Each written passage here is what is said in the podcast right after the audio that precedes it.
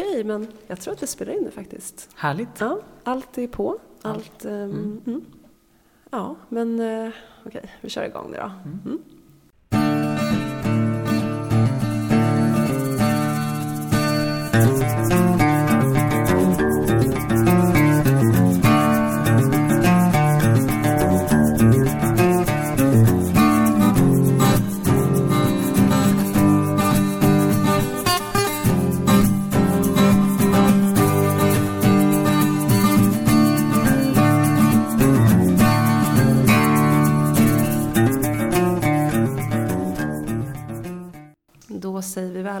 till Präster med gäster. Med mig, Anna-Fia Trollbäck. Och mig, Rebecka Tudor. Och vi är präster i Tyresö församling, strax utanför Stockholm. Eh, Präster med gäster är en podd där du och jag bjuder in en gäst, Rebecka, en person som vi är intresserade av och nyfikna på och som blir samtalsämnet för avsnittet. Eh, Det kan ju hända att vi bjuder in en verklig person, kanske också ett väsen. Du var inne på det förra avsnittet, att vi skulle bjuda in ett väsen. Vi ska inte avslöja riktigt ännu vem vi har bjudit in idag, men hon kanske ändå touchar lite väsen-aspekten. Ja, det kan det faktiskt göra. Mm. Vi får se. Mm. Kanske inte att hon nödvändigtvis är, men vi touchar ju väsen. Ja, det gör vi. Det gör vi Mm. definitivt. Mm. Det var en liten så här, teaser. Men vill du berätta var vi sitter idag? Ja, men idag så sitter vi eh, i ett kapell som heter Bollmora kapell. Eh, ligger i Tyresö. Eh, det är en litet avskalat kapell eh, där det främst är begravningar. Men idag är det bara du och jag som sitter här. Mm. Precis uppe vid altaret. Precis, det är jättefint Ja. här inne. Det Det är är... en fantastisk kyrkogård utanför och solen skiner utanför. Det känns, eh, det känns fint att vara här inne. Ja, och vi vet jättefint. också att det om ett par timmar kommer vara en begravning här. Mm. Ja, det är väldigt speciellt. Det är speciellt att ha begravningar här också, Mm. tycker jag. Det, när det är så litet så blir det alltid väldigt intimt. Mm. Ehm, och det brukar alltid vara... Ja, men jag har verkligen ett... Um, jag har sånt, eh, det, här kapellet och de begravningarna som jag har haft här har en- verkligen som en så speciell plats i, Mm. i, eh, i hjärtat. Det är alltid lite... Ja, men det är speciellt liksom, Jag när det är så här håller- nära. Jag håller helt med. Ehm, Men ja, precis. Vi har tänt ljus och som det brukar vara så är det blommor på altaret och så är det en... Altartavlan är... Det är ett träkors först med Jesus på. Och, ehm, och sen är det liksom en... en altartavlan är en, en väv sen som hänger mot väggen. Som är blå och sen i mitten så är det nästan som ett gult ljus. Gult band liksom av gul färg och lite rött. Som eld eller ljus eller... Lite som regnbåge också Mm. på något sätt. Ja, det är det. De färgerna. Mm. Eh, och eh, vi har också lagt ifrån oss eh, några bilder av, som handlar om den personen som vi, om vår gäst. Eh, men eh, hur har vi haft det sen sist? Ja men det, det är ett tag sedan vi spelade in sist i Mm. dina barns sovrum. Just det. Då satt vi där. Och nu har folk börjat gå på semester. Vi är inte så många som är i tjänst. Du går på semester om en vecka. Mm. Vi har hunnit fira midsommar Japp. Tillsammans Dessutom. i Sörmland. Ja. Och du sov i en hängmatta, tälthängmatta typ. Ja, det var så coolt faktiskt. Jag, eh, där hängmatta med ett myggnät. Så att man verkligen ligger som i en liten eh, Puppa. Ja, puppa Ja. ja. Precis. Det såg så fint ut och jag blev så sugen på att köpa en själv. Mm, jag tycker ni ska göra det. Det, mm, det var underbart att sova sådär. Och jag är så himla glad att det, att det funkade. Mm. Ibland kan man vara så här, när man gör här någonting som man inte har gjort förut, är lätt att vara så här, det här kommer bli superbra. Mm. Och så blir det inte det. Nej, och då blir man det skulle börja jättebesviken. frysa och det skulle börja regna. Exakt, så hamnade du där på soffan i alla fall. exakt. Men det nej. blev inget. Men det regnade inte. Ehm, utan... Du sov som en stock till klockan tio Ja. på morgonen. Också otippat, jag tänkte att ni kommer vakna tidigt. Ja, Ehm, just det. Men det var, skö- nej, det var jättehäftigt faktiskt. Ja. Och det är häftigt, jag tycker att det är häftigt att sova i tält. Mm. Men det här var liksom ändå en dimension till, att man liksom svävar också. Mm. Ja, Du är ett väsen. jag är ett väsen. Precis. Ja, men det, jag tycker det har varit bra sen sist i alla fall. Mm. Mm. Men det- midsommar ligger ju närmst i tiden. Det gör det.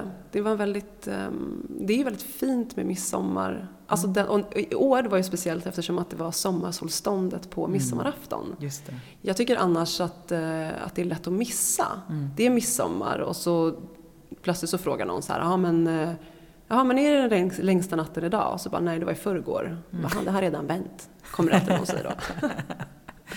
Nu går vi mot mörkare Ja, tider. precis. Det är det också alltid någon som säger. Avskyr att man ska hålla på och prata om det. Ja. Ja. Fast det är okej att säga på vintern tycker jag. För då är Att det vi går mot ljusare tider. Ja. Ja. det är något helt annat. Och så är det alltid någon som ska vara så här efter en vecka så bara, jag tycker det märks. Man bara, nej det märks inte. Det är ljust. Jätteljust. Ja, okej. Ljus och mörker, Precis. Mm. dualitet. Dualitet. Alltså gud, vi börjar nu ge mycket ledtrådar Ja. och hintar. Är det dags att bjuda in Jag tror att det är dags att bjuda in. Ja. Jag bjuder in.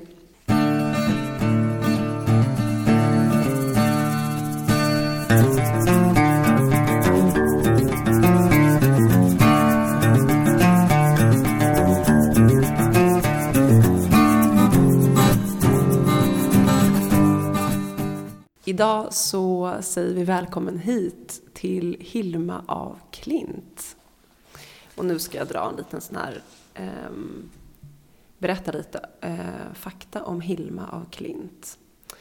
Eh, Hilma af Klint föddes den 26 oktober 1862 på Karlbergs slott i Stockholm. Och där växer hon upp. Eh, hennes pappa var sjöman. Hon går i skolan i Stockholm och sen så går hon på Tekniska skolan, det som idag är Konstfack. Och sen går hon på Konstakademin som är då Kungliga, eh, alltså Konsthögskolan. Liksom. Eh, och hon är färdig från Konstakademin när hon är 25. Sen så arbetar hon ganska länge som porträtt och landskapsmålare. Hon är jätteduktig, liksom, verkligen tekniskt och sådär. Och under den tiden som hon jobbar som porträtt och landskapsmålare, då bildar hon och fyra vänner till henne, de bildar en grupp som de kallar för De fem. Eh, Hon, Eller fredags... eller Fredagsgruppen också. Fredagsgruppen. Jag tror att det var liksom kanske med tiden två olika. Aha, men båda, okej. och det var lite olika personer som klev in och ur, tror jag också, har jag fattat det som. Men det är olika namn, men vissa namn återkommer sådär. Ehm, Ehm, och de träffas och har seanser tillsammans. Där de sätter sig i förbindelse med ehm, och kommer i kontakt med några andliga ledare som kallas för de höga. Ehm, och eh, det finns några fotografier i böckerna som vi har tittat i från hur det kunde se ut. Och då finns det alltid ett altare eh, med ett kors på. Eh, och så brukar det alltid också hänga eller finnas ett oljetryck på Jesus i Getsemane. Och utsmyckat altare med fjädrar och rosor och liljor. Eh, och så här vackra vita broderade dukar och så. Eh, och men de träffas och i, under de här seanserna så håller de på med någonting som, de kallas, som kallas för automatiska anteckningar eller automatisk skrift. Och det är då att det är att man låter handen liksom föra pennan, alltså att det är någon annan som för ens penna och så skriver man ner ett budskap. Mm. Men de gjorde också, i de här seanserna så var det också en som fungerade som ett medium. Som då låg och typ föll i sömn, eller vad det kallas. Eh, och sen så talade de här andliga ledarna genom henne. Mm. Och det var då till en början inte Hilma, utan det var en, en av de andra kvinnorna som hette Sigrid, tror jag, väldigt mycket först. Mm. Ehm, och de här andliga ledarna berättar ehm, om världen, om hur allting typ är beskaffat och att de på något vis har ett uppdrag. Liksom. Var det bara Ehm, så att det var skrift? Det var inte så att de redan där och då också målade? Ja, men det, finns några så tidiga skisser ju. Ja. Ehm, som är så här blyerts, Mm. väldigt så här, trevande, som jag tror var ganska tidiga. Så Eller där. hur? Ehm, och, ehm, men med tiden så är det ju Hilma som, som får um, uppdrag att måla. Det är ju under en sån här tioårsperiod. Alltså jag tror att det är Mm. efter tio år att de har träffats, de Ja. fem. Och att det då blir uppenbart för henne att det är hon som har ett stort uppdrag. Mm. Ehm, och då så, hon får i uppgift av de höga då att måla verk på det astrala planet. Alltså målningar som då skulle framställa det oförgängliga hos människan, det som överlever döden. Och hon skulle då arbeta i mysteriernas tjänst eh, för att uppföra den nya byggnaden, också kallad templet. Och då, nu ska vi se, 1906 börjar hon att måla. Och då är hon, hur gammal är hon då? Men typ hon är strax 40. över 40. Strax Ja. över 40. Mm. Eh, och då målar hon först typ 26 målningar under eh, något, ett års tid. Och sen så un, nästa år, mellan 1907 och 1908, då målar hon 111 målningar. Mm. Och vissa av de här är ju jättestora, de är typ över tre meter höga. Mm. Ehm, och sen så har hon ett uppehåll på fyra år. Och under den tiden så studerar hon filosofi och hon, då får hon också kontakt med ehm, Rudolf Steiner då, som är grundare till antroposofin. Och sen så fortsätter hon att måla och då är det då målningarna till templet. Och det är 82 verk som hon målar mellan 1912 och 1915. Och sen är liksom hela den serien avslutad. Eh, och då fortsätter hon att måla, eh, men då blir hon också friare i relation till de här budskapen från de här andliga ledarna. Eh, för jag förstår det som att i början så visste hon, och det har hon skrivit också om själv i, dag, i anteckningsböcker, att hon inte visste alls, hon hade ingen aning om vad som skulle bli Mm. när hon liksom satte penseln eller pennan till pappret. Utan hon följde bara. Just det, liksom- som att det var någon annan som styrde hennes hand och kropp. Precis. Mm. Ehm, Men sen så hittade hon typ ett friare eh, förhållningssätt. Att hon, ja men Mm, som du precis, sa. Fick syner som Mm. hon tolkade och målade. Ja, Mm. precis. Att hon ändå, som att hon stod kanske i ett så lättare samtal till Mm. de höga. Liksom. Och Men jag hon- tänker att det också är verkligen två olika förhållningssätt. Mm, Alltså att det ena, jag menar att det ena verkligen är just en, jag menar att man bara blir ledd. Medan den andra ändå handlar om att, alltså det är ju en skillnad på att, att få syner som du sen ska liksom teckna av det. eller måla. mm, Eh, om man nu ska prata om att man själv står i vägen eller liksom att du blir en uttolkare. just Där det. det ena är bara att du blir använd som ett verktyg. Ja, det är en kanal. Man är en kanal Ja. helt och hållet. Medan det andra är ju att du själv har ett uppdrag att Mm. faktiskt göra en tolkning av det som du har sett eller fått till dig. Ja. ja, men precis. Och då, då är hon verkligen en kanal. De där, Mm. hundra, de där första så här, Mm. över hundra, ja, nästan 200 målningar. Mm. Och sen så kanske de tyckte att hon var, men också så här, men nu, det här har gått bra, nu kan du fortsätta bli mer självständig. Nej men Mm. nästan som en så här, eh, som att den relationen hon också hade till de här andliga, Mm. till de höga, att, de, att den också utvecklades, Mm. tänker jag kanske. Mm.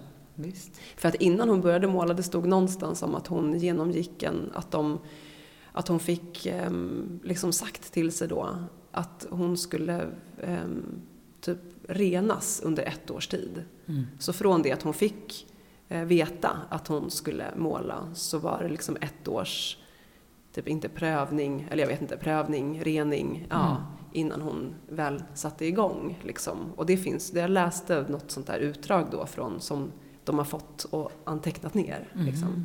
Är det då hon började leva väldigt asketiskt också eller gjorde hon det alltid? Ja, det stod ju om att hon det, var ja. vegetarian Ja. och asket. Mm. Och det, det kanske var då Ja. som det kanske blev ännu mer. Mm. Typ. Ehm, men ehm, ja, nu ska vi se, ska vi gå vidare lite här då? Jo, men så att när de här målningarna till templet då är avslutade, då så fortsätter hon att måla och då målar hon typ som olika aspekter av vår verklighet. Mossor och djur och ädelstenar. Men det finns liksom, på de målningarna så, jag har sett en där det är typ en fågel på och sen så nere i ena hörnet så har det gjorts nästan som ett så slags diagram och så står det typ så här sädesärlans riktning Mm. och så är det lite olika symboler ehm, som på något sätt den bilden förklarar vad sädesärlan är för slags fågel. Mm. Alltså på ett djupare, Djupare plan. plan. Ja. Mm.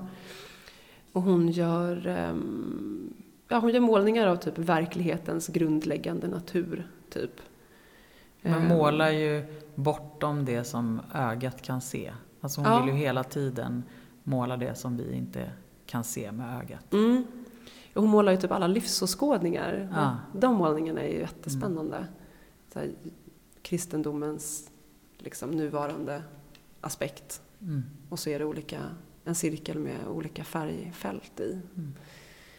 Men hon arrenderar också ett hus på en ö som heter Munsö. ehm, Där hon och hennes vänner då bygger ett hus. För det är ju så många verk så de behöver någonstans, behöver förvara dem någonstans. Och För hon visar dem inte för någon? Nej, eller? precis. Nej, det är väl bara de i den här gruppen Just det, som men det är liksom dem. inte som att hon har utställningar eller liksom är en erkänd konstnär eller någonting. Nej, det är väl typ ingen som... Nej. Nej. Hon bara hon målar liksom under de här premisserna som, Mm. hon, är till, som hon är tillsagd att göra. Mm. Ehm, och så förvarar hon, de där tavlorna finns där och eh, hon åker, nu är hon ju typ i så här 60-årsåldern. Hon åker till, hon blir jätteintresserad av antroposofin Mm. och får kontakt med Rudolf Steiner. Eh, som hon vill liksom, hon, vis, jo, hon visar ju vissa delar. För honom? För honom. Ja. Och han säger ju så här, det här kan världen inte förstå förrän om 50 år, Mm. typ. Ehm, och hon vill verkligen närma sig antroposofin. Hon känner någon liksom, koppling till det. Och hon åker till, de har något sånt, alltså det är liksom typ stora centret för antroposofin ligger i Dornach, heter det, om jag uttalar det rätt. Så hon åker dit och hon, tror jag, hon donerar några saker till dem, målningar och anteckningar och sådär. Men eh, och försöker få både Steiner och typ den stora antroposofin att vara intresserad för hennes saker, men de blir inte det. Nej. Och eh, det har jag förstått det som att det ehm, det blev som en slitning i henne, eller att hon tyckte att det var svårt. Mm. Att hon inte, för att ju äldre hon blev, desto mer, hon blev så mer och mer desperat över vad hon skulle göra av sina verk. För hon fick ju till exempel inga barn eller så. Och eftersom hon Ehm. också visste att de här verken skulle, de hade ett budskap. Just Så är det det. förstås att det måste ha, det är inte konstigt att det, att det gav henne den typen av slitningar och oro för vad, vad händer med Nej, allt det som jag ska på något sätt ge. Ja, och hur ska det här budskapet leva vidare? Ja. Hur ska man kunna, om det inte får visas, det får inte visas nu, eh, men vem ska ta hand om det och förvalta det? Liksom? Men jag tänker att våra lyssnare kanske har stenkoll på det mesta. Men eh, jag tänker på det här med antroposofin. Mm. Finns det någonting, kan du säga någonting om vad det var som gjorde att hon sökte sig, eller blev intresserad av det och vad är det? Väldigt kort. Ehm, ja, jag bara undrar, ska vi... Mm. För, det, det, för det, är många, det är flera sådana begrepp som återkommer när man läser om henne. Ja. Jag bara tänker, ska vi säga vad som händer? Ja men det kan vi göra och sen, Och sen- kom, så kära lyssnare, eh, vi, vi kommer att ge några, liksom, några nyckelbegrepp som Mm. återkommer, kanske vi ger korta förklaringar på. Precis. Ehm, men eh, ho- hon donerar allting till sin brorson. Eller hon testamenterar allting till honom. Mm. Eh, hon dör 1944 och då är hon 82 år gammal. Eh, och hon, efterlämnades, hon efterlämnade alltså 1300 verk, Mm. 125 anteckningsböcker, det är nästan 26 000 sidor tydligen. Ehm, och hennes verk då, stod det i testamentet, fick inte visas förrän 20 år efter hennes död. Tidigast. Tidigast, just det. Och jag har förstått det som när jag har läst att hennes brorson, för de hade tydligen en väldigt fin kontakt. Ehm, och så. Och att han efter de här 20 åren liksom försökte få, få hjälp med att, liksom, att man skulle kunna visa hennes verk och sådär. Men eh, jag förstod det som att det var liksom ingen som nappade på det. Mm. Ehm, och det tog tid och det var inte förrän 1985 Mm. så ställdes hon ut och jag har fortfarande inte förstått hur hon hamnade på den utställningen. Just det, för då var det i Los Angeles. Ja, Ja. så var det då en utställning som hette The Spiritual in Art, Abstract Painting eh, från 1890 till 1985. Mm. Och då ställdes hon ut bredvid då Kandinsky, Malevich, Mondrian och Kupka som, är, som ses som Stora... föregångare liksom Mm. till, eh, till den abstrakta konsten. Mm. Och då klickade det typ till i Sverige, har jag förstått det som. Eh, och sen tror jag att man ställde ut henne på Liljevalchs på 90-talet. Mm. Och sen nu då 2013 på Moderna. Och då var det den störst, hittills största utställningen med, eh, med hennes verk. Jag tycker att man ändå ganska ofta i, i eh, olika hem ser det är en del av hennes konstverk som affischer. Och de är säkert från utställningen Mm. på Moderna. Eh, jag har noterat det mer också nu förstås när jag själv blivit mer och mer nyfiken på henne. Men förstås sett innan.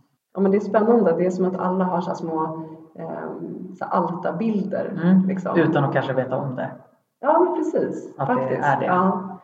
Ehm, men det var ju häftigt, eh, den utställningen som var där på Moderna. Jag trodde ju aldrig att jag skulle typ, få se hennes grejer faktiskt. Ehm, Vadå, men- när, när kom du i kontakt med Hilma? Men det var en kompis som, det var när jag var runt 20 så gick jag på en så förberedande konstskola. Mm. Och typ, jag hade typ egentligen inte målat förr men jag fick för mig att jag skulle göra det.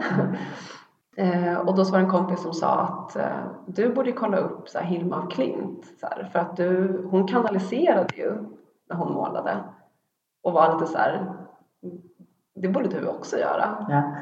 Jag bara, Just det, för då behöver man inte egentligen kunna måla, eller vad man ska säga. Nej jag vet inte, nu kunde ju Hilma verkligen måla. Ja, det kunde hon ju, men jag tänker att ändå, det skulle ju kunna vara så att en rookie kan Ja, liksom, ja, bara precis. förbinder dig Just med det. liksom den Mm. andliga världen Och så bara så är du bara målar man. Mm. Ja, men det är sant faktiskt. Ehm, Men då kollade jag upp henne och gick och lånade en bok på biblioteket och blev så jätte... Jag hade ingen aning om ens vad jag skulle få se när jag öppnade den här boken. Mm. Och så bara, vad är det här för bilder? Och läste och blev jättefascinerad. Och så tänkte jag så här, aha, men det här lär man ju aldrig få se på riktigt. Mm. Och sen, om det då var typ 2012, alltså när de, då läste jag att så här, ja, men nästa år så, så ställer de ut en stor utställning på Moderna. Och den var du och tittade Ja. på? Mm. Det var så häftigt, Mm. verkligen. För när man, om man känner så starkt för någon, alltså det kan ju vara så med typ en musiker eller alltså, Oh, ja. ja, men att när man kommer nära, om man får se eller höra eller sådär, att det känns som att man verkligen så här, men det är du och jag liksom. Gud tack, jag fick verkligen komma hit. Jag kände så starkt när jag gick runt bland alla de här målningarna. Att så här, ja, vad fint Hilma liksom. Ehm, och så är det säkert många som känner, alltså om man tycker om henne mycket så där och blir fascinerad av henne. Men att, nej det var jätte... ehm, Jag ville typ ha alla kort, jag ville ha alla affischer, jag ville typ ha allting, bara kapsla in. Vad var det som du fascinerades av? På utställningen? Ja, och av, eh, vad var det som gjorde när du läste den där boken som du gick till biblioteket och lånade? Och vad var det som liksom, du tror att du... Ja, men dels alltså att motiven är så märkliga. Och färgerna. Mm. Och man undrar, och då undrade jag, och särskilt då med tanke på hur hon målade, att men vad är, vad, berä, vad är det hon berättar? Mm. Vad är det du berättar som jag liksom inte förstår? Eller vad är det jag liksom... Eller vad är det som du förstår Ja. men inte kan sätta ord Just på? det, ja Mm. precis. Och um, ja, någonting, ja att det verkligen är märkvärdigt, Mm. det som hon har gjort. Och att hon verkligen berättar någonting. Mm. Och att den där kontakten känns ju väldigt tydlig. Mm. Att det är ju helt på riktigt. Mm. Det som, jag menar, 1300 verk. Det är ju helt otroligt. att sätta sig och måla 100 målningar på ett år också.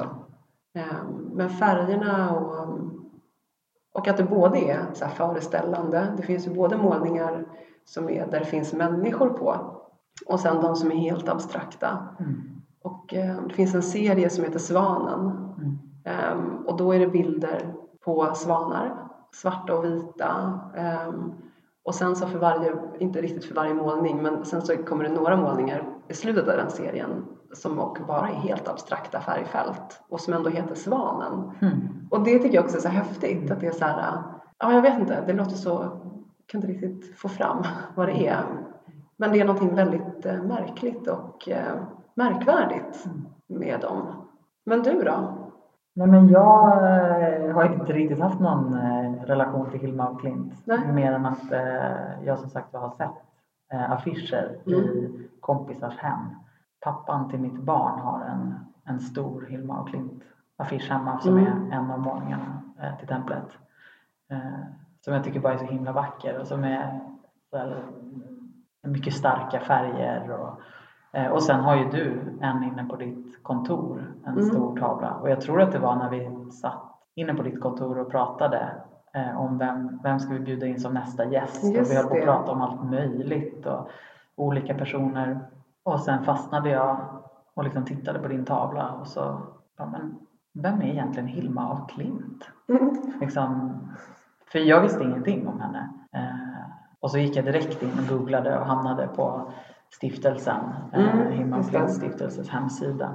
Och bara, men det här är ju liksom, det här är inte vilken konstnär som helst. Nej. Hon har ju ett andligt budskap. Ja, Och verkligen. då kändes det som att det var en given gäst. Och sen att du dessutom, att du verkligen hade en relation till henne, Mm. eh, gjorde att jag blev nyfiken. Ja, men det kändes ju verkligen eh, självklart när Mm. du sa det. Mm, Eh, eller hur? Att de verkligen har sin plats i, eh, i podden. Verkligen. Mm. Och det är ju, eh, men det är häftigt. Jag har ju, min, den affischen som jag har, den har jag i sovrummet.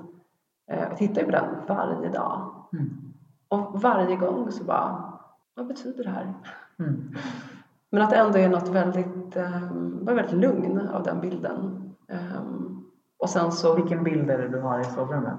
Det är också en av, det finns tre så tem- altartavlor. Så det är en av dem med en pyramid som är uppdelad i olika färgfält och så ovanför så är det en stor gul Just det. Ja, men det, är, det är den Det är samma. som Christian Mm. har också. Eh, men den är ju eh, den är jättefin verkligen. Mm. Mm. Och de har olika så färgnyanserna och så är det en bokstav i varje färgfält. Och det är så, Mm. för det är någonting med det också i de här olika och även vissa av de här målningarna då som är gigantiska. ehm, med de här olika fälten och det är former och det är streck emellan och på vissa så står det ju text också. Och allting har ju betydelser Mm. och budskap och symboler. Och, Ja, Men, och det får mig nu att tänka på vår allra första gäst, eh, Hildegard av Bingen. ja. För det var ju också, alltså hon målade ju också Mm. jättemycket. Och på ett sätt känns det inte helt olikt. Nej, När jag nu ser vissa av de här målningarna för mitt inre. just det. Eh, med allt symbolspråk och alla cirklar och liksom spiraler. Mm. Ja, spiral och snäcka är ju också så återkommande motiv Mm. hos Hilma. Och eh, av Hil- Hildegard har du verkligen rätt i.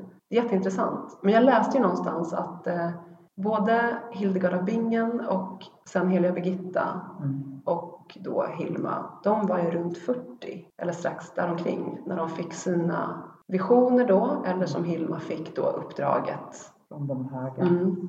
Och det tänker jag också är, eh, det är så intressant för det är nästan som att är det ett led, en del i vår, i vår utveckling som människa att vi blir liksom, vi är mottagliga och redo för någonting djupare i livet runt den åldern. Mm. Inte så att alla människor ska sätta sig ner och så kanalisera och måla eller ha liksom andliga visioner men att vi, vi är i ett stadium i livet där vi Är mottagliga. Ja, Mm. och kanske också Kanske i kontakt Ja. på något vis. Förmågan att, ja men visst, det existentiella, jag menar vi pratar ju om 40-årskris. Ja, just det. Eh, Ja. och det kan ju lika gärna innebära en, alltså en existentiell kris. Mm. Eh, I positiv bemärkelse. ja, för det är så himla mycket med öppna- kris. Öppna. Ja, att det är så jobbigt. Ja, Man men kanske ska se det på ett annat sätt. Ja, verkligen. Som att nu är jag öppen. Liksom. Vad är du, 39? Mm. Du har ditt gyllene år framför dig. Ja, alltså jag bara väntar. jag insåg det när jag läste det. Jag bara, det är nu det händer. Ja, och det är fint att tänka. Mm. Ja, men man pratar så himla mycket, det är en tanke som slår mig nu, det kanske är typ jätte, inte så himla intressant, men att eh, man pratar ju om um, att det finns vissa då konstnärliga genier som mm. har begått självmord när de är runt 27. Mm.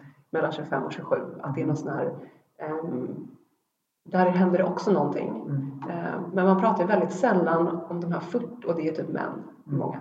Men man pratar inte om de här 40-åriga kvinnorna. Nej. Som bara, vi gör det. Ja, vi gör det. Jag tycker det känns jättebra. Verkligen. Mm. Jo, men också att eh, förstås, nu lever ju de i helt olika, helt olika tider. Hildegard och heliga Birgitta och Hilma som mm. levde i slutet av 18, början av 1900-talet. Men, men oavsett så är alla tider tider då eh, det har funnits mycket kvinnoförakt. Ja. Och där kvinnan inte har fått ta den plats. Eh, och att finna, befinna sig i en sån kontext, ja så är det ju fortfarande. Ja, men så det idag förstås. Eh, men vad gör det? Ja, vad gör det ja, med ehm, ja, det som man, ja, med hela en själv och vad man, ens möjligheter. Mm. Liksom, och vad de ändå, men det de, det de gjorde, det är ju verkligen, jag tycker det är jätteintressant. För hela 1800-talet var ju, alltså 1800-talet är en jättespännande tid. Mm. Um, det kom jag precis på att vi lovade de som lyssnar att vi ska uh, förklara några begrepp. Ja, just det. Ja, vi kanske kommer in på det nu ja, faktiskt. Ja. Fast 1800-talet är ju en jättespännande tid. Uh, den är också väldigt obehaglig. Um, tänker man så här, kolonis man koloniserade världen mm. och uh, man börjar liksom få kunskap om och idéer kring människokroppen och hur vi är och psykologin liksom utvecklas och allt sånt där. Mm. Um, inte så mycket till liksom, kvinnors fördel alls, mm. liksom, utan det ska dissekeras på alla möjliga nivåer, vilka vi är och, och liksom den här, en väldigt, så tydlig, um, väldigt tydlig uppdelning. Liksom. Men också finns det då många andliga strömningar som Um, alltså det är ju en väckelse, man pratar ju om väckelsen, mm. jag tänker på, på, på, verkligen på flera sätt. Mm. Alltså en kristen väckelse, men sen också en stor andlig väckelse mm. där liksom typ västvärlden också, i och med säkert att man får mer kunskap om världen, eh, mm. öppnas upp för också nya idéer och tankar och sådär. Så då är det ju, jag har eh, tagit reda på och försökt sammanfatta lite kort här då, för det det står mycket kring vad det gäller Hilma då, det är till exempel att, och så har jag förstått det som, att när de har de här seanserna mm. så sysslar de någon, det de håller på med då är typ i en så spiritistisk anda. Mm. Och det handlar då om spiritism. Och eh, det är då övertygelsen om att vi kan få kontakt med typ, ja, men så här människor som har dött, alltså om andar och sådär. Eh, och spiritism har ju funnits i liksom urminnes tider på jorden. Ehm, och då till exempel att så här, shamaner, medicinmän har kunnat kanalisera och komma i kontakt med liksom, gamla själar eller andar och sådär. Ehm, ja, exakt. Ehm, men det var ju fascinerande, det är kanske det du är på väg till nu?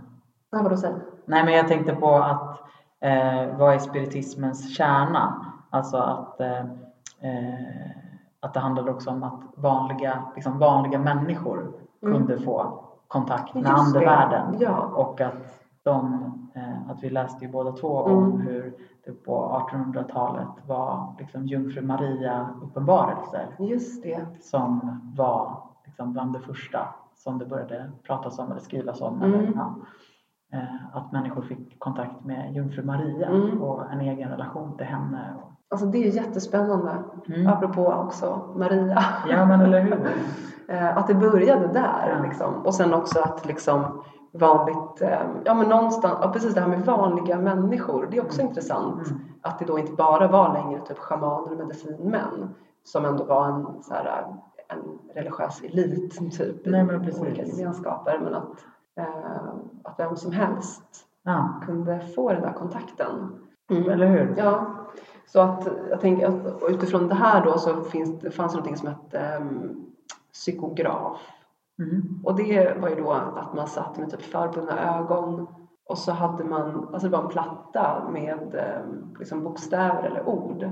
Och så var, hade man tror jag händerna på en platta och så rörde den sig över. Lite som anden i glaset? Exakt. Gjorde du det som barn? Ja. Jag med. Det kanske alla gjorde. Men alltså gillade du det? Ja, det gjorde jag. Alltså jag älskade det. Ja, jag med. Mm. Jag minns det så väl. Vi satt på en, Eh, vi var nere i Skåne på somrarna och så var vi ett litet kompisgäng. Mm. Och jag tror vi träffades alltså varje dag Mm. eh, och gärna på kvällen. Man ville sitta i mörker, man tände ett ljus och sen satt vi på någons vind. Mm. Eh, för det, man ville ju ha det där Ja, liksom, mystiska, lite Mm. jag var så fascinerad. Alltså jag var helt övertygad som barn att, att ingen fuskade. För det var ju det man alltid pratade om. Men Mm. det är någon som trycker på, det är någon som trycker Mm. på glaset. Liksom. Men nej, det Nej, bara svepte Ja. ju runt. Liksom. Det är ju energi. Det måste Det det. vara Jag är också energi. helt övertygad. Jag liksom. var med om så spaciga grejer faktiskt. Ja. Och så var så här, I början tänkte, då var det så här, om man ville veta typ vem som var kär i en. Ja. Men ganska fort så, bara, så släppte man ju det Ja. och bara, vem är det som vi har på tråden? Ja. Liksom. ja, gud, jag var ju Mm. precis samma upplevelse. Och jag kommer ihåg någon gång, vi var bara tre stycken som gjorde då, tror vi satt till och med på dagtid. Vi bara Ja. så här, drog ner rullgardinerna och liksom, nu kör vi. Liksom. Och så här bara, vi måste ha det här glaset som vi hade igår. Typ. Just. Ehm, och då vi fick någon sån kontakt. Ehm, så att, och så ställer man ju frågor hela tiden. Men också att så här, anden ställde en fråga tillbaka.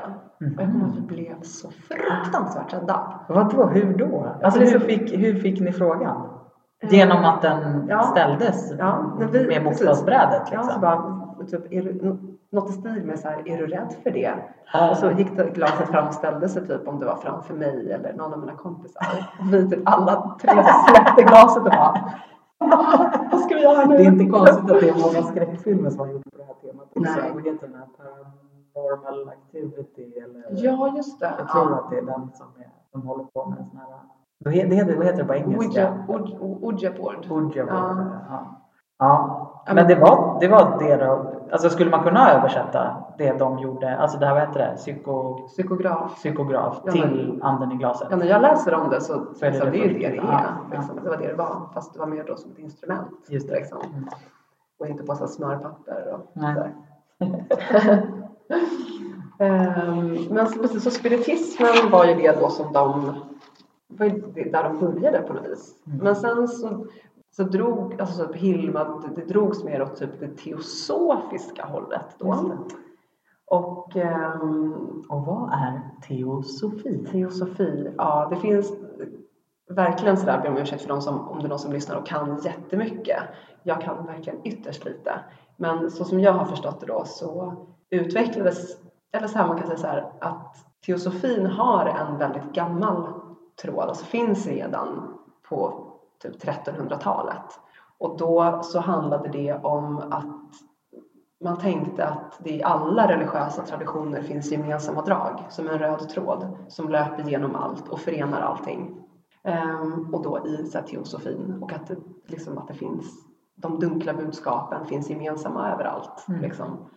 Ehm, men då, och det är typ den äldre teosofin och den yngre teosofin då utvecklas på 1800-talet av eh, Helene Blavatsky hette hon tillsammans med en man också. Nu kommer jag inte ihåg vad han hette. Inte lika viktigt. Nej, inte lika viktigt.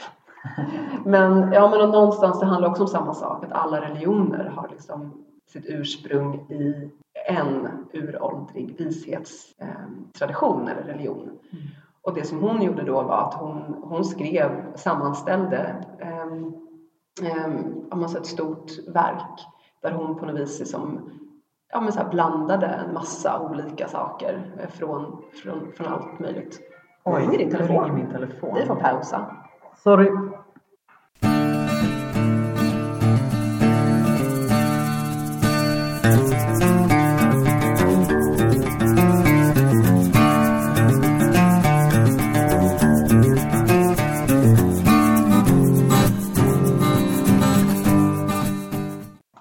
Din telefon ringde där. Ja. Men det var ju bra att du blev avbrutna för dels upptäckte vi och eh, nu ser det ut som att ljudet kanske är lite bättre. Men vi upptäckte att vi har lite problem med eh, ljudkvaliteten. Ja, det är konstigt. Ja, som att jättekonstigt. eh, inledningsvis funkar och sen plötsligt i mitten så blir det dåligt ljud. Vi, ja, vi hopp, antingen så hoppas vi att ni har stått ut tills Mm. nu eh, och lyssnat och ursäktar oss. Vi har ju sagt igen, det här är vårt femte avsnitt. Ja. Vi har fem har avsnitt på oss. fem Det, avsnitt är bara Ja. fortsätt lyssna. Precis, eh, men som sagt vi ber om ursäkt för om det plötsligt börjar låta jätteburkigt. Men i alla fall. Mm. Ehm, Vi var inne på det- teosofin ja. och vad Hilma gör. Mm. Eh, fortsätt. Precis. Jag, det var bra att vi lyssnade om lite för att jag försökte säga någonting och det lät ju helt obegripligt. Eh, Det Helene Blavatsky gjorde då, eh, grundaren till teosofin, den yngre teosofin då från 1800-talet, var ju att det jag sa var att hon blandade en massa olika saker i en bok. Om allt möjligt. Vad var det hon blandade? Hon tittade på eh, olika religiösa traditioner och, eh, och sammanställde Mm. eh, i ett stort verk. Eh, det som hon liksom, det som var... Såg som det väsentliga Ja. sanningen i Sanningen. Liksom alla Mm. religioner. För det är väl teosofins liksom, eh, signum, alltså ingen religion är större än sanningen. Just det ja. Mm. En vacker symbol. Mm. Mm. Ehm, ja men precis. Och sen så finns det ju, hela berättelsen om teosofin är ju, med just henne är ju jättespännande. Det ska vi inte fördjupa oss i här. Ehm, men ehm, ja. Men Hilma var i alla fall De drog sig mot till teosofin. teosofin. Och jag, men, men det intressanta med Hilma är ju också, och det här sällskapet, att de har en så här kristen klangbotten hela tiden. Mm. För det hade ju inte teosofin som något självklart sådär, utan det är ju typ i den här symbolen så är det fler, i symbolen, för den teosofiska symbolen innehåller flera olika religiösa symboler. Mm. Typ en orm som biter sig i svansen, det är väl ett omtecken, ett kors, en triangel eller en pyramid. Och även ett sånt här solkors som. Vi idag inte tycker är så kul. Men, eh, men, att, men, men Hilma har, för henne är den här kristna grunden jätteviktig. De hade väl under sina seanser på deras fredagsträffar Mm. eh, också alltså bibelmeditationer. Ja, just det, de började alltid med det. Mm. Så var det ja, Mm. precis. Det är ju häftigt, verkligen. Ehm, men precis, och teosofin var en viktig del. Och sen då träffade hon Steiner, Rudolf Steiner då, som grundade antroposofin. Och han var ju teosof, men ehm, bröt sig loss och grundade antroposofin som en gren då. Och det, ehm, Det måste ju alltså det handlar om Rookie Rebecca Mm. kommer in eh, och bara, jag menar, eh, jag menar teosofi, gud, antro, människa. Precis, det är m- människa och vishet då. Antropos som Mm. då människa och Sofia som vishet.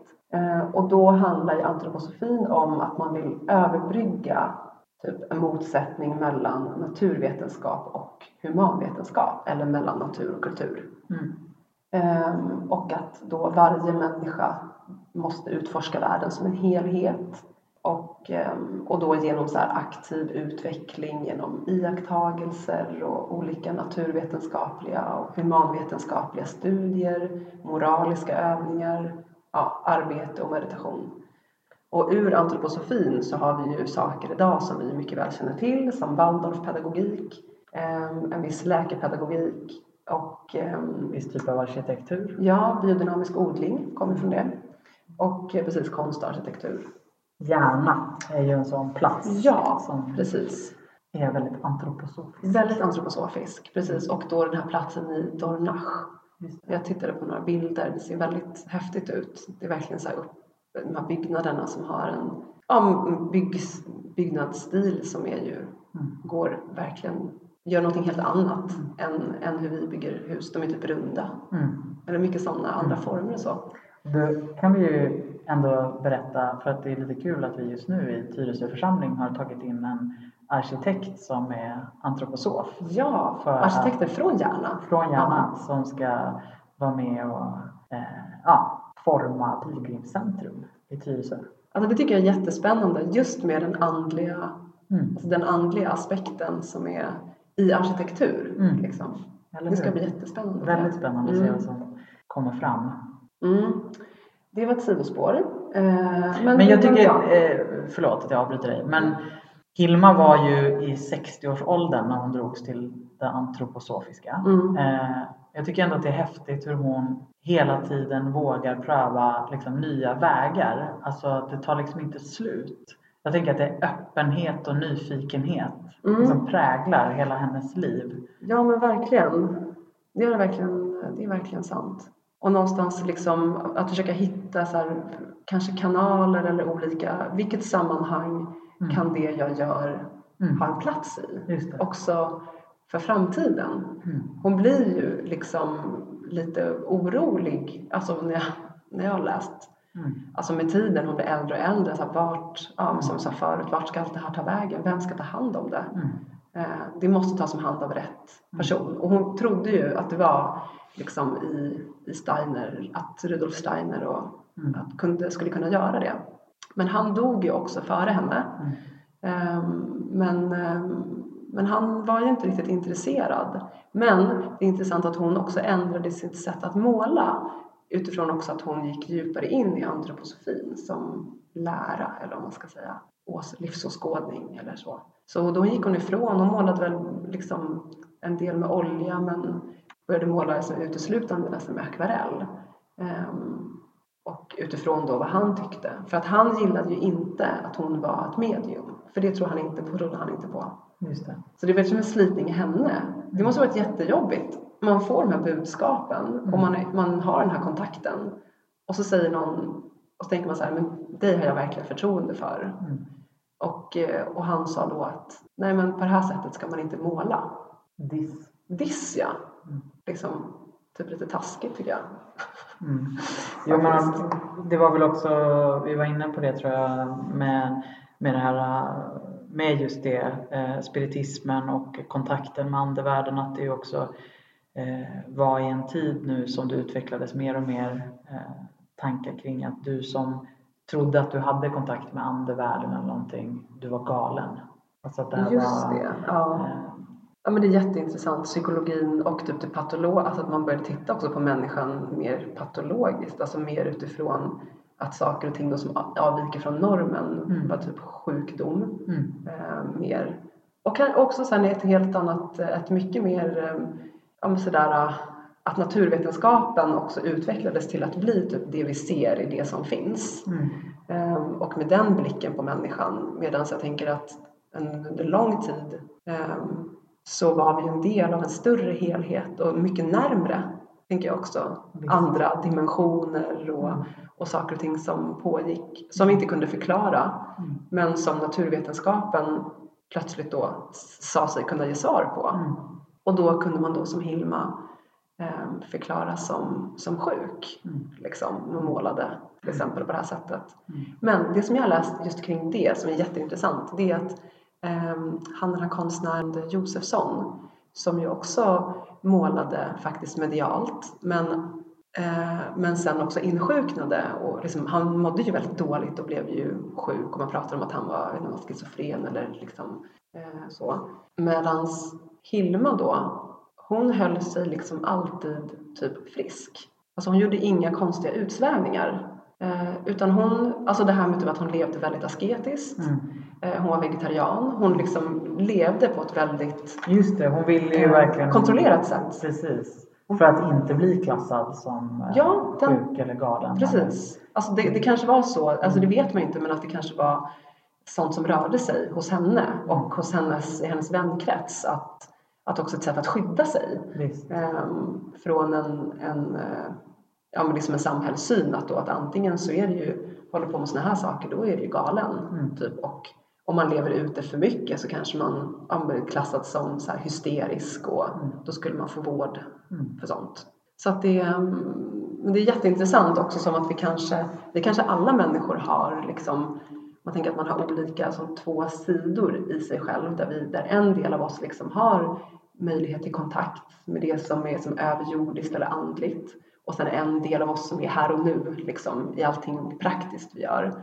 Eh, och att, att låta de här två sidorna liksom smälta samman medan till exempel Josefsson då tog den här andra delen, den här översinnliga eller andliga delen, honom tog liksom över. Mm. Han kunde liksom inte få, ehm, som att han inte kunde, det fick liksom ingen ro i kroppen utan det blev typ för mycket.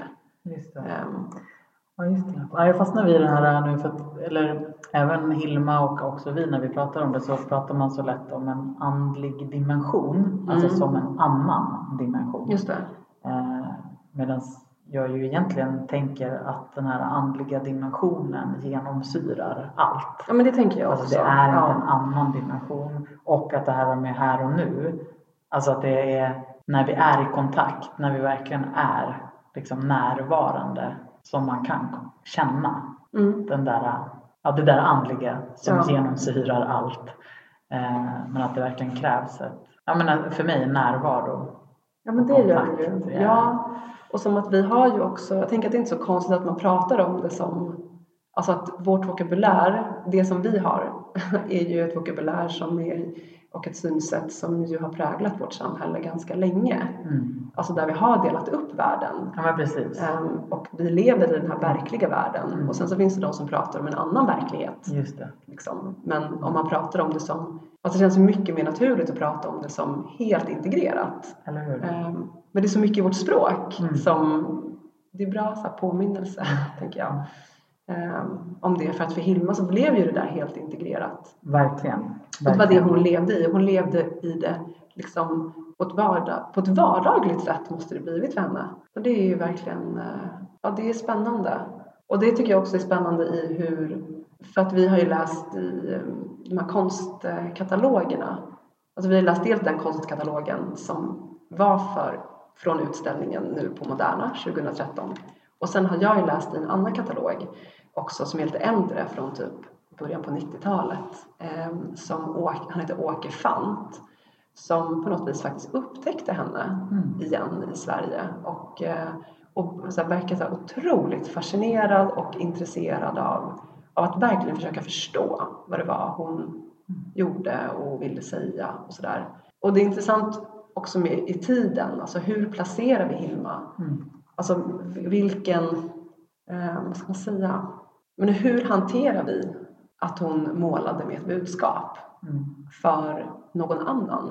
Mm. Alltså utifrån att andra berättar, att hon kanaliserade när hon målade. Hur hanterar tiden och samhället Vår det, vår tid? Mm. För att det som man, jag tycker i den nya konstkatalogen, då vill man ju verkligen lyfta fram henne som konstnär och pionjär för abstrakt måleri. Men jag tänker att, ehm, och, och då så placerar man ju henne flera år innan Kandinsky och Malevich och de stora abstrakta, som man säger, det så här, de var grundarna liksom. Mm. Medan hon höll på med det flera år innan, bara det att hon visade inte det hon målade. Ehm, men jag tänker att man kan inte titta på hennes målningar utan den här andliga, utan att se på henne också med att hon hade ett uppdrag. För det var ju det hon gjorde. Hon skulle typ inte ha målat annars. Nej. Nej men visst, det är det som är det centrala. Och man, men, men det är lite obekvämt liksom att ta i det där. Det är ju svårt. Mm. För att jag tänker på det här med det här andliga traumat då, som vi har pratat om tidigare. Att vi också kanske saknar ett språk och så kanske också en rädsla och en ängslighet för att så här, men hur ska andra titta på det här? Om jag sätter mig och skriver en massa om hennes eh, liksom, uppdrag och andlighet och att hon verkligen hade det och verkligen hade kontakt. Att det Mm. verkligen var på riktigt. Mm. Så här, funkar det?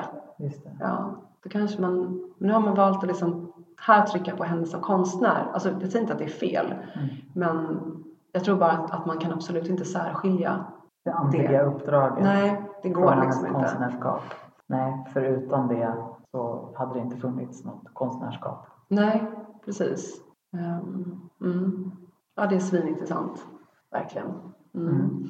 Ja, men och det kanske är det som gör hennes verk så fantastiska och magiska Mm. och att man blir indragen i konsten. Ja, Att det är ett andligt budskap. och att det, det, förmedlas när man Mm. tittar på det. Och så kan man ju känna förstås i relation till väldigt mycket konst. Ja, förstås. verkligen. Eh, alltså konsten öppnar ju upp någonting Mm. i oss, i vårt inre. Liksom. Men det är någonting med de här monumentala verken som är gigantiska. Man träder in. Alltså jag önskar verkligen att vi ska få se de här. eh, De här jättestora. Ja. Mm. Det är ju någonting väldigt, man blir helt överväldigad. Mm. Och golvad verkligen sådär. Vad, liksom, Finns hennes konst utställd just nu någonstans? ja den har varit i New York. Just nu? Ja den har, ja, den har varit, eller om den är fortfarande. Och det är väl den samma utställning som har liksom, den har ju turnerat runt typ tror jag. Men sen så då för lyssnarna då, om man blir sugen på att se Hilma på riktigt, så kommer man ju kunna göra det i höst. Just det. Det var du som såg det. Just det. det. Jag ser fram emot det jättemycket. Då ställer man ut Hilma af Klint tillsammans med två andra kvinnliga konstnärer på Millesgården i Stockholm. En utställning som heter så andlighet och måleri eller något sånt där. Och det är också intressant, alltså, för det har funnits flera utställningar som just behandlar det här med andlighet och konstnärskap. Eh, jag var och såg en utställning på vet det, Thielska galleriet med Ivan Ageli. Ehm, han var ju så här Swedenborgare och eh, också, han konverterade ju sen också eh, till islam. Och den utställningen hette också någonting med så andlighet och måleri liksom. Mm. Och sen är det någonting annat också, men nu kommer jag inte ihåg det. Men, och sen den här då. Så det är också någonting i ja, tiden. Häftigt. Så vi kanske också är liksom det kanske är nu vi är mogna. Ja, Hilma var ju ganska säker på att vi inte skulle vara mogna. Och, och Rudolf Steiner också. Mm, ja, exakt. Han pratade ju om 50 år. Ja. Um, vi vill upp, han är lite mer än 50 år. Ja. Men det kanske är så. Tiden kanske är mogen. Precis, för Hilmas... Men, ja. Men ska vi prata någonting om hennes budskap eller? uppdraget. Liksom. Det tycker jag absolut. Mm. Jag tänker att det kanske blir vår avslutande, avslutande diskussion.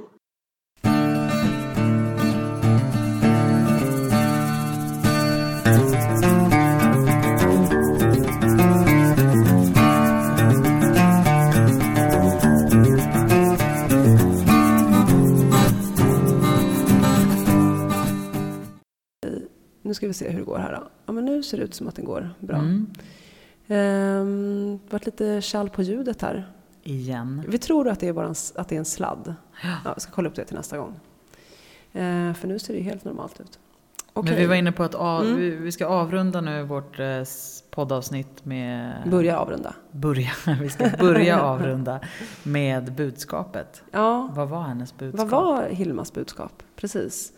Eh, och när jag har läst eh, och då samtidigt tittat på, på hennes målningar ehm, så det finns någonting som, och som hon också har skrivit om själv då såklart, annars skulle vi inte veta det. Men eh, någonting som kallas för dualtanken. Och, ehm, och det handlar då om att människan Eh, man och kvinna då måste nå förståelse om sitt komplement eller sin halvpart. Och att man då ska vinna erfarenhet om någonting som kallas för kompletteringslagen inom sig själv. Ehm, och hon skriver ju mycket om det här och att, nu ska vi se, jag har antecknat lite, men att, jo så här, att från början så fanns det en, liksom, en enhet, en ängel. Och från den här ängeln så delades vi upp i man och kvinna. Och man kan se det här på Hilmas målningar där den gula färgen representerar eh, typ eh, den manliga. Man, manliga. Mm. Eh, om det, om det, nu är, man kan ju också översätta det som manlig princip. Mm. Eh, och blå, den blå färgen för den kvinnliga kvinnan, det kvinnliga, den kvinnliga principen, eller feminina principen. Och de här två, typ två storheterna, eller vad man ska säga, de återkommer ju i många religiösa traditioner. Så det tänker jag, det är ingenting konstigt i det. Liksom. Um, men, och då så medar hon på, oss, och då har den här ängeln som var då när vi var typ någon form av enhet, har liksom delats upp i män, i man och kvinna. Och att vi då liksom, att vi kompletterar varandra. Um, och att vi strävar efter att återförenas. Så det finns en spänning då mellan könen eh, och den spänningen typ ska finnas där och för den, i den finns någon skaparkraft. Eh, och allting kreativt kommer ur den här liksom spänningen men att syftet är att vi liksom på något vis, att de här krafterna ska återförenas och ur det kan det då eh, komma det odelade livsfröet som då är änglaskepnader. Så att när kvinnor då, eller när vi nu då så här föder barn, då är det delade livsfrön då, vad jag förstår som så pojkar och flickor. Eh, men att i liksom framtiden, då kommer det bli ett odelat livsfrö när liksom allting smälter samman och vi hamnar i någon form av harmoni, tolkar jag det som i alla fall. Ehm, och då kommer vi frambringa änglaskepnader som är odelade livsfrön. Ehm, Det här, låter, det här är lite för flummigt för mig. och eh, jag blir också, det här är det som får mig mest skeptisk. Alltså här blir jag liksom skeptiskt inställd. Men det är tiden. Jag vet. Man måste se henne utifrån Jag tiden. vet, jag vet. Mm. Men jag vill bara ändå vara tydlig med Ja, att, att nej, här, här vi inte köper allt bara för att det var i den... Alltså, vi vill också eh, kontextualisera. Ja, ja, ja, absolut. Ja. Ja, Det, här är verkligen, ut- det här är utifrån också vad hon skrev och hennes Ja. tankar. Liksom. Så det är inte våra åsikter. Liksom. Men jag tänker att det är också det som gör att eh, i den här nya konstkatalogen så tar man inte upp någonting av det här. Medan i den äldre så eh, skriver man så skriver han mycket om det. Det. Eh, och försöker verkligen så här, gå, in på, på, gå ner på djupet Mm. i vad, vad det här liksom handlar om. Mm. Eh, hon skriver ju också typ om sex och alltså hon skriver om liksom, den här Mm. laddningen. Men hon, Hilma själv, hittade ju aldrig sin halvpart. Nej. Och det är någonting som, som jag förstått det som då att det var någonting som hon liksom saknade. Som hon, men hon gjorde aldrig det. Mm. Men att det också var någon form, jag vet inte, man kan väl tänka att det handlar om strävanden på olika nivåer också. Men att Mm. det mänskliga livet liksom är att vi, att det finns, att vi har en halvpart Mm. liksom, någonstans då. Mm. Eh, Men hon hittade inte sin. Liksom. Ehm, Nej men och det var ju hennes, det var ju verkligen hennes budskap. mm. Så att jag, jag menar inte att vi inte ska försöka tolka det eller lyssna in vad hennes budskap var. Eh, utan, Nej, men det intressanta är ju, tänker jag, vad tänkte jag om det nu? Att, eh, nej, men att det handlar ju också om att, att man ser att här, den världen vi lever i är typ brusten eller Mm. den, har, eh, den är inte perfekt på något sätt. Liksom. Och hur, hur ska vi bli hela? Mm. Ehm, och det här är ett sätt att, ehm, att berätta om det på. Mm. Hur vi kan bli hela, att vi behöver hitta vår... Och sen så hur vi nu översätter det. Liksom, om man nu skulle tänka, dra det här långt. Att så här, men vad betyder det? Ska det här?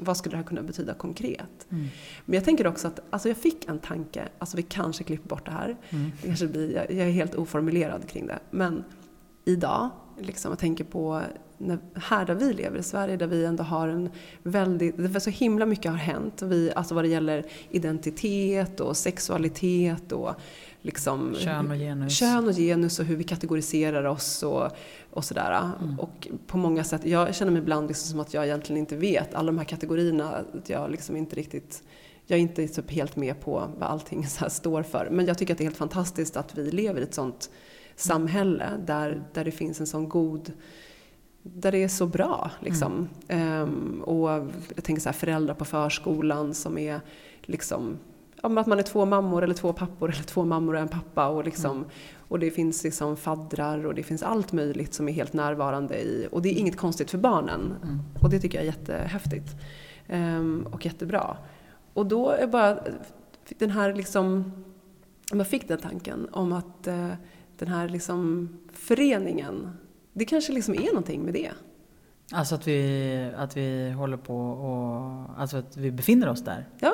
Ja, kanske det. Att, det liksom, Mm. att saker och ting har liksom typ sammansmält. Ja, Som har varit så väldigt isär, eh, väldigt åtskilda. Liksom. Sen är ju inte, ja nu ska man börja så här, inte ursäkta sig men så här försöka förklara så att man ringar in sig själv på rätt sätt. Jag vet inte, det här är bara en tanke. Men jag tänkte så att vi lever i en väldigt öppen, vi, det är inte bara det. Men på många sätt så lever vi i en väldigt medveten och öppen tid och verklighet. Där, där det liksom, där många människor kan leva som de vill. Mm. Ehm, och vi har rättigheter och, Mm. alltså uttrycka med det. Ja, Så nej, det, nej, nej, nej det, Ehm, det är bra. Vad det gäller liksom sexualitet och, um, och där, um, och det är så Och så häftigt. finns det förstås, som i alla tider, men människor som nu vill inskränka Mm, de här rättigheterna. Ja. Och det är det man hela tiden behöver bevara och och bevaka. bevaka. Mm. var egentligen det ordet jag letade efter. Mm.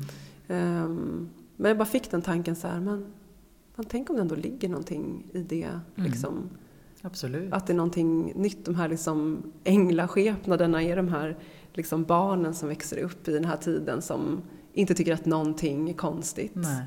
Liksom färger hit och dit och vem kan vara, vilka roller vi kan vara Mm. och ha och liksom utveckla och hur vi lever. Liksom. Jag tycker det är en underbar tanke. Det var det som Hilma ville. Ja. Fast hon visste det inte själv. Ja, men, Exakt så här.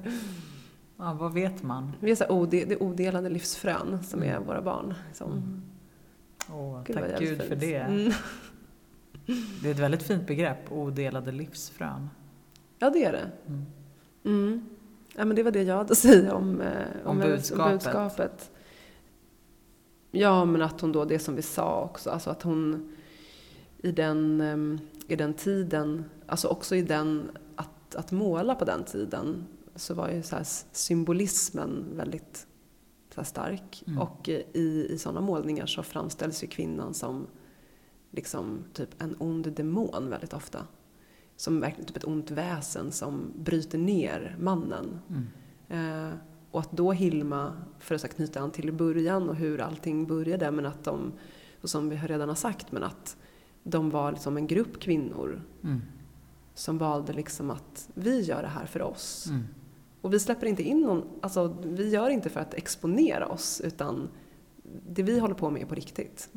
Ehm, och sen så hjälpte de henne att kunna göra allt det här. Det är så mäktigt. Det är verkligen det. Älska systerskapet. Mm. Det är som sin allra bästa form liksom. Mm. Ja, det Mm. känns ju nästan som att man skulle, eh, eftersom jag vet hur mycket anteckningar som vi har som ligger bredvid oss, att man skulle kunna ha ett poddavsnitt till Mm. om Hilma. Jag säger inte att vi ska det, men eh, det finns mycket.